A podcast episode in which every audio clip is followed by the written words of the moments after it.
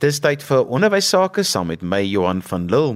Vandag gesels ek met Jannie van der Westhuizen, bekende oud skoolhoof en ook 'n onderwyskonsultant in George. Ons gaan vandag gesels oor die leierskapsuitdagings wat skoolhoofde en onderwysers tans in die gesig staar.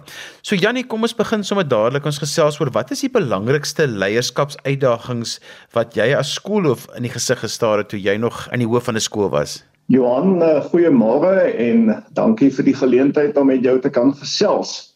Die die Suid-Afrikaanse onderwysstelsel is 'n baie diverse een met 'n magdom verskeidenheid van skole, stedelik, landelik, groot, klein, uh veeltalig, enkeltalig, co-ed seuns, dogters. Uh, skole het verskillende hulpbronne, verskillende fasiliteite en finansieringsmodelle ja, as onafhanklike skole, daar's openbare skole. So die uitdaging wat aan die skoolleierskap gestel word, hou natuurlik direk verband met die tipe skool wat dit is. In my eie lewe sou ek graag drie dinge uitsonder wat wat moeilik was om te bestuur. Veral in die moderne tydsgewrig is ouer verwagtinge dikwels uiteenlopend en ook dikwels onrealisties wat dit moeilik bestuurbaar maak. Uh dan tweedens die hele kwessie van relevantie vir 'n skool om in die moderne tyd relevant te bly is 'n uitdaging aan leierskap. Relevantie is 'n duur oefening in 'n veranderde wêreld. Uh dit verg kundigheid, dit verg aanpasbaarheid. So dit was nogal en sal altyd dink ek maar 'n uitdaging aan skoolleierskap bly. En dan die derde aspek dink ek oor die laaste 20, 25 jaar was daar 'n magdom van kurrikulumwysigings dat hy dinge onnodig gekompliseer, dat dit nie die stelsel goed gedoen nie en net so skole in 'n ritme kom rakende bepaalde kurrikulum en gevestig is, dan uh, dan word dit weer verander. So dit was in my eie lewe dink ek die die drie belangrikste aspekte wat ek uitdagend gevind het. Janie, hoe het jy kwessies rakende lede dissipline en gedragsbestuur binne die skool aangespreek? Ek het nou onlangs gelees 'n artikel wat jy geskryf het wat jy herbesin het of bevoeld om 'n leier te skors wel die gewenste aksie vir so 'n leier kan wees. Ja, Johan, in my eie verstaan is 'n skool die plek waar jy die lesse van die lewe moet leer. Daarom is skool die oefenveld vir die lewe en daarom beglo ek 'n skooleplekke van tweede kansse. Uh ek dink die doel met met dissipline en ons verwar altyd dissipline en straf, maar die doel met dissipline moet altyd wees om gedrag ten goeie te verander. Maar dit is so dat die skoolleierskap 'n verantwoordelikheid het teenoor die skool, die skoolkultuur, hy het 'n verantwoordelikheid teenoor die leerders en daar mag uitsonderlike gevalle wees waar 'n skorsing nie net geregverdig is nie maar selfs noodsaaklik is. Uh en waar dit gebeur uit die saak uit die aard van die saak met die nodige ondersteuning en leiding. Maar enige dissiplinêre sanksie en dit is sommer die kern van die van die debat. Enige dissiplinêre sanksie moet in die eerste plek wees gepas wees tot die oortreding en ons moet daarteen waak dat ons nooit van leerders voorbeelde wil maak nie. Dit gesê dink ek ook uh ons leef in 'n tyd waar ons baie groter fokus moet plaas op 'n erekode in 'n skool as 'n gedragskode. Fokus eerder op 'n erekode wat dit omskryf en definieer wat die leerders en die skool graag wil wees en waartoe hulle hulle verbind in steede van 'n gedragskode wat uit die aard van die saak 'n wetlik voorskriftelike kode is maar uh, dit is 'n negatiewe instrument wat net uit moets en moenies bestaan so ek hou van die gedagte van 'n erekode. En ek dink skole moet maar goeie gedrag erken. Skole moet leerdervriendelike skole wees. Leerdervriendelike skole het gelukkige leerders hulle het trotse en loyale leerders en dit verander net globaal die die dissiplinêre klimaat in 'n skool as jy gelukkige blymoedige en en loyale leerders het om op te som doen net wat nodig is om te doen en sien elke saak in konteks en op sy eie meriete moet jy oordeel en tree daarvolgens op. Janie, wat was die grootste struikelblokke wat jy teëgekom het om 'n positiewe en 'n inklusiewe skoolkultuur te skep? Johan, uh, ja, dit is ook 'n uh, 'n nuwe saak uh in skole oor die laaste 30 jaar uh reeds Maar daai inklusiwiteit verander steeds. Uh dit uh, dit verander net in die aard daarvan. Natuurlik is alle leerders nie ewe aanpasbaar nie. Uh leerders word groot in 'n bepaalde ouerhuis waar ouers 'n bepaalde opvoedingsfilosofie het. Uh waar hy op 'n bepaalde wyse groot gemaak word. So dit is 'n uh, dit is 'n komplekse wêreld want leerders raak verskillend groot in die dag en tyd en op verskillende maniere. Ek dink die kernbeginsel rondom inklusiwiteit is dat 'n mens deurlopend op jou kernwaardes moet fokus. Elke skool het bepaalde kernwaardes. Byvoorbeeld uh, respek en verdraagsaamheid. Leef dit, fokus daarop, kommunikeer dit. Ons leef ook nou in 'n tyd waar rondom ehm um, GQ of GBTQ waar dit uitdagings by skole raak wat bestuur moet word of aangeleenthede wat bestuur moet word. Ek dink die die antwoord op al hierdie goed is bly net getrou aan jou kernwaardes en leef jou kernwaardes en verhoed ten alle koste dat diversiteit en 'n eie identiteit dat dit in konflik met mekaar kom want wanneer dit gebeur dan is daar slagoffers en daarom kan niemand daarop aanspraak maak dat sy regte verabsoluteer word nie. Janie, wat was volgens jou ervaring die doeltreffendste strategie om byvoorbeeld professionele ontwikkeling van onderwysers te bevorder en ook die kwaliteit van onderrig te verbeter? Johan, eh, die bemagtiging van mense uh, is 'n wetlike verpligting wat op skoolhoofde rus. Hulle moet mense blootstel en ontwikkel en laat groei behalwe dat dit nodig is is dit soos wat ek sê 'n wetlike verantwoordelikheid. Skole dink ek word in die klaskamer gemaak of gebreek en dis in die eerste plek waar die stryd gewen word.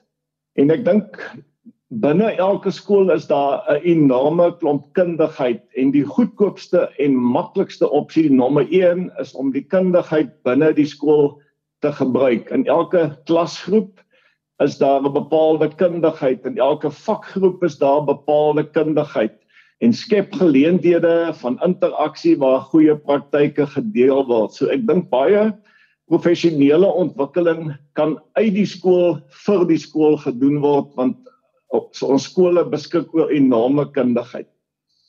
Dan dink ek ook is 'n belangrike aspek is ondersteuning aan onervare opvoeders. Jy weet ons aanvaar so maklik jong opvoeders wat by skole aansluit is kundig. Uh neem net die voorbeeld van 'n ouer aand. Ons aanvaar so 'n jong opvoeder weet hoe om ouer gesprekke by 'n ouer aand te fasiliteer. Hy het leiding daaroor nodig. Maar die die uh, opleiding en ontwikkeling binne die skool kan natuurlik aangevul word deur die bywoon van werkswinkels en kongresse. Daar's 'n magdom verskeidenheid van opleidingsgeleenthede. Uh maar die eerste stap vir my en die goedkoopste en die maklikste is bemagtig die opvoeder in die klas vanuit die skool in terme van vakkennis, metodiek, klaskamerbestuur en so meer, want dit is waar die stryd gewen of verloor word. Janie, hoe het jy met ouers en die gemeenskap in gesprek getree om 'n sterk vennootskap te bevorder en bevoeld om leer te ondersteun? Johan, alles begin en eindig dink ek met met kommunikasie. Ons sê so maklik dinge loop skeef. Uh, ek glo dat dinge wat skeef geloop het, het skeef begin en die oorsaak daarvan is normaalweg gebrekkige kommunikasie. So ek dink uh, skole kan nie genoeg kommunikeer nie. Skole moet aan ouers kommunikeer wat is hulle onderwysfilosofie? Jaag ons net matriekuitslae na? Jaag ons net sistemiese uitslae na in die laerskole? In matriek byvoorbeeld wil ons 'n 'n leerder eerder voorberei met ook ander vaardighede, hoe om te kan studeer, hoe om na skool ehm um, suksesvol te wees. So daar is skole wat net fokus op uitslae en daar is skole wat fokus op veel meer en ouers moet weet hoe elke skool hieroor dink en hoe hy daarmee omgaan. So 'n skool moet sy eie unieke onderwysfilosofie en dit wat die skool graag wil regkry met ouers kommunikeer sodat almal op dieselfde uh vertrekpunt staan. Dan uh, dink ek moet skole ook hulle verwagtinge met ouers baie goed kommunikeer. Ouers en leerders moet presies weet veral rondom akademiese aangeleenthede wat is aanvaarbaar en wat is nie. So die kommunikasie van verwagtinge is belangrik, maar ek dink ook mense moet besef dis 'n proses. Daar's deesdae 'n magdom van kommunikasie media, maar na alles bly 'n sigvergadering en interaksie met ouers op 'n persoonlike vlak bly maar die beste manier om hierdie om hierdie verwagtinge en filosofieë te deel. As jy sopas ingeskakel het, jy luister na ons in die onderwys saam met my Johan van Lille. My gas vandag is Jannie van der Westhuizen. Hy's 'n oud skoolhoof en hy's ook 'n onderwyskonsultant daar van George. Ons gesels vandag oor die leierskapsuitdagings wat skoolhoofde en onderwysleiers tans in die gesig staar. Jannie, ek wil hê jy moet so 'n bietjie terugkyk en dan vir ons 'n bietjie raad gee oor aan huidige en aspirant skoolleiers in Suid-Afrika oor die leierskapsuitdagings in skole, hoe om dit doeltreffend die hoof te bied. Ja, Johan skoolhoof of onderwysleierskap, skoolleierskap is inderdaad 'n uitdagende taak. En ek dink daar is sekere vertrekpunte wat elke jong en onervare, maar ook ervare skoolhoofde moet moet weet en moet implementeer ten einde suksesvol aan suksesvol aan sy aan sy uh, opdrag en roeping uitvoering te gee. Ek dink eerstens moet uh, moet daar baie helder en duidelike visie wees Almal moet weet waarheen is die skool op pad. Daar moet groot gedroom word. Almal moet hierdie visie deel en almal moet inkoop in hierdie visie. In die tweede plek sou ek sê dat ons in 'n era leef waar ehm um, data gedrewe bestuur baie belangrik is. Alleen met behulp van data kan 'n mens evalueer, kan jy moniteer. Daar's baie meetinstrumente hiervoor. Uh, sommige word aan skole verskaf, so die PILS uitslae en die sistemiese toetse. Maar skole moet ook hulle interne datastelsels byhou, byvoorbeeld uh wiskunde, wat gebeur met die getalle aantal leerders wat wiskunde neem, is 'n konstant verminder dit. Byvoorbeeld data oor hoeveel leerders in 'n skool neem tweede tale uh hoeveel leerders is betrokke by buitekurrikulêre aktiwiteite? So as jy data het kan jy moniteer en kan jy baie maklik aanpassings maak. Dan Johanna moderne skoolhoof het verseker emosionele intelligensie nodig uh op 'n baie hoë vlak. Hy ek sou self sê dat hy kulturele intelligensie en ook politieke intelligensie nodig het dit is 'n ou wêreldse wysheid dit gaan nooit verander nie maar skoolleiers moet lei deur hulle voorbeeld, deur hulle waardestelsel, hulle vlak van toewyding, deur hulle professionaliteit, die wyse waarop hulle aandag gee aan detail. Skoolhoofde uh, moet die dwarslat hoog stel uh, as hy wil hê daar moet hoë uitkomste wees. Dan dink ek 'n skoolhoof met ongekwalifiseerd eienaarskap neem vir die skool 365 dae vir per jaar en skoolhoofde het verseker uh, 'n ingesteldheid van diensbaarheid nodig. Ehm um, dienende leierskap maak of of breek skoolhoofde. So dit is so van die enkele aspekte. Ehm um, ek dink daar's 'n paar dinge wat mense kan byvoeg wat miskien meer op 'n op 'n filosofiese vlak is. Maar goeie skoolhoofde in hierdie dag en tyd is skeppers van hoop. Hulle is nugter en realisties, maar hulle is inspirerend. Hulle ontsluit die toekoms. Hulle plaas nie leerders in boksies nie, maar maak juist die boksies vir leerders oop. En ek dink mense moet ook jou jou invloedsterrein besef uh en die verantwoordelike wat verantwoordelikhede wat daarmee saamgaan. Uh skoolhoofde verander lewens. Hulle is baie leerders se enigste bron van hoop. Hulle is leerders se held skoolhoofde is gebore om spore te laat. Uh en dis 'n enorme verantwoordelikheid maar ook 'n 'n enorme voorreg om daardie rol in die lewe van kinders te kan speel. Dink mens met die kuns van leierskap verstaan, skoolhoofde moet besef dat in veranderde tye en in veranderde omstandighede, ons het dit byvoorbeeld ook tydens Covid gesien, moet jy aanpassings maak in in jou leierskapstyl en hoe jy dinge benader en hoe jy mense bestuur. En ek dink skoolhoofde moet besef dat uh en dit is iets wat ons te min oor praat maar dat die skoolterrein skoolhoofde se werkplek is en dat sy kantoor net sy administratiewe hoofkwartier is. Jannie, in baie gevalle gaan my hart uit na skoolhoofde toe want hulle is die leier van die skool, hulle is die leier van die opvoedkundige ontwikkeling in die gemeenskap, maar dis baie keer ook 'n amptenaar wat vir 'n paar organisasies moet dien, die onderwysdepartement as werkgewer. En dit voel baie keer vir my hulle is onder ongelooflike druk as gevolg van hierdie amptenaarsrol wat hulle baie keer moet speel. Ja, Johan, skoolhoofde sit inderdaad op verskillende stoele en uh is in diens en werksaam met verskillende rolspelers. Ek dink éventueel gaan alles maar net oor verhoudinge. Uh skoolhoofde moet in die eerste plek die rol en die funksie van elkeen van hierdie rolspelers verstaan. Hy moet seker maak dat hulle dat elke rolspeler sy rol verstaan en daar moet wederwysige respek wees vir mekaar se rolle en verpligtinge en verantwoordelikhede. Maar ek dink dikwels ontstaan konflik veral tussen skoolhoofde en beheerliggame onnodiglik. Uh skoolhoofde moet beheerliggame hanteer en ook die ander rolspelers as vennote. Daar moet 'n klimaat van absolute openheid wees en ek dink skoolhoofde moet ook ontvanklik wees vir advies en raad en ondersteuning en leiding en moenie alwetend die skool probeer bestuur nie want daar is ook baie ander bronne van inligting en en kundigheid beskikbaar waarvoor hy hom moet oopstel. En skoolhoofde moet éventueel bewustelik verantwoordelikheid aanvaar vir die verhouding met 'n beheerliggaam en vir die verhouding met die departement en vir die verhouding met die ander rolspelers. Dis die skoolhoof moet verantwoordelikheid aanvaar om daai verhouding te bestuur.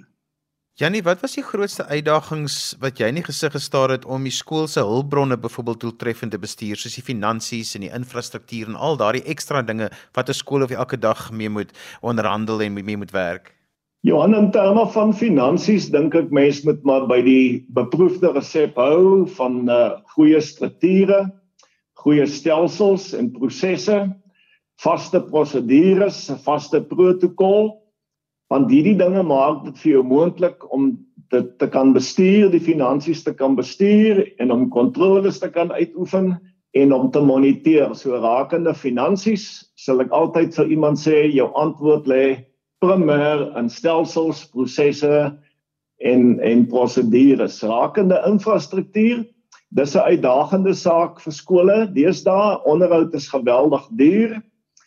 Uh die hulp van die staat is baie beperk omdat daar so oneindig behoeftes ook reg oor die land is rondom die skep van fasiliteite. Maar om infrastruktuur te bestuur, moet dit baie spesifiek iemand se verantwoordelikheidsterrein wees. Dis nie maar net iets wat ook nog onder die skoolhoof kan resulteer nie. Iemand moet baie bewustelik daarvoor verantwoordelikheid aanvaar. En ek dink die ou ehm um, waarde van van 'n onderhoudsprogram of 'n instandhoudingsprogram is belangrik.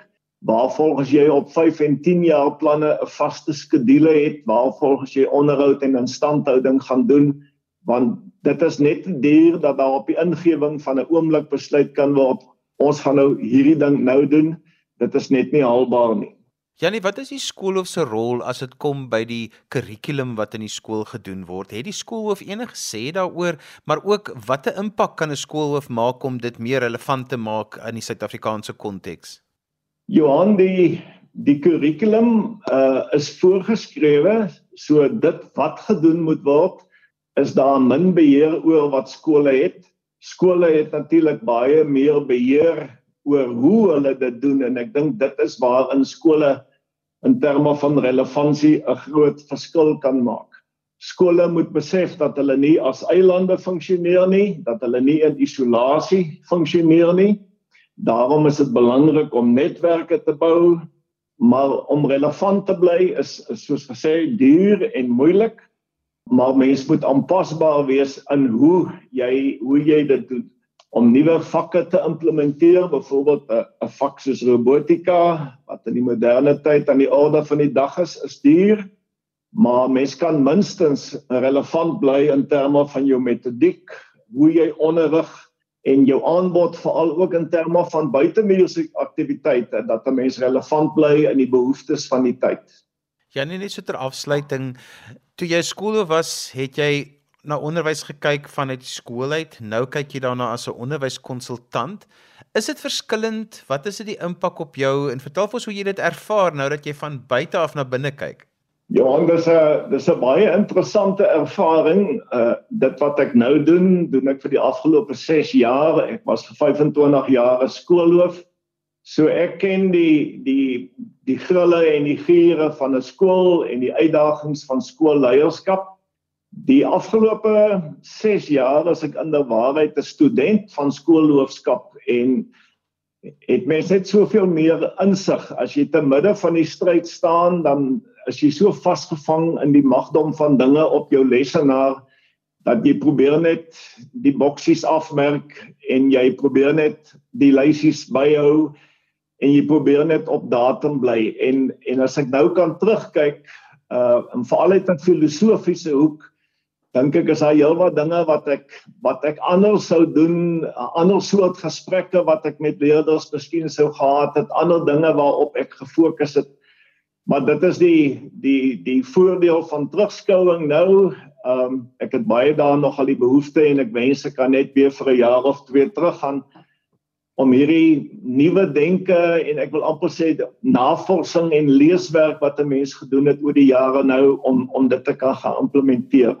En so gesels Jannie van der Westhuizen, bekende oud skoolhoof en ook 'n onderwyskonsultant deesdae van George. Jannie, as mense met jou wil kontak maak, hoe kan hulle dit doen? Johan enige tyd per e-pos jannievdwest57@gmail.com. jannievdwest57@gmail.com. Enige iemand is welkom. En daarmee het ons gekom aan die einde van vandag se ons in die onderwys. Ons het vandag gesels oor die onderwysuitdagings wat skoolleiers in die gesig staar. Onthou jy kan weer na vandag se program luister as 'n potgooi. Laai dit af by resgep.co.za. Skryf gerus vir my e-pos by Johan van Lille@gmail.com. daarmee groet ek dan vir vandag tot volgende week van my Johan van Lille. Totsiens.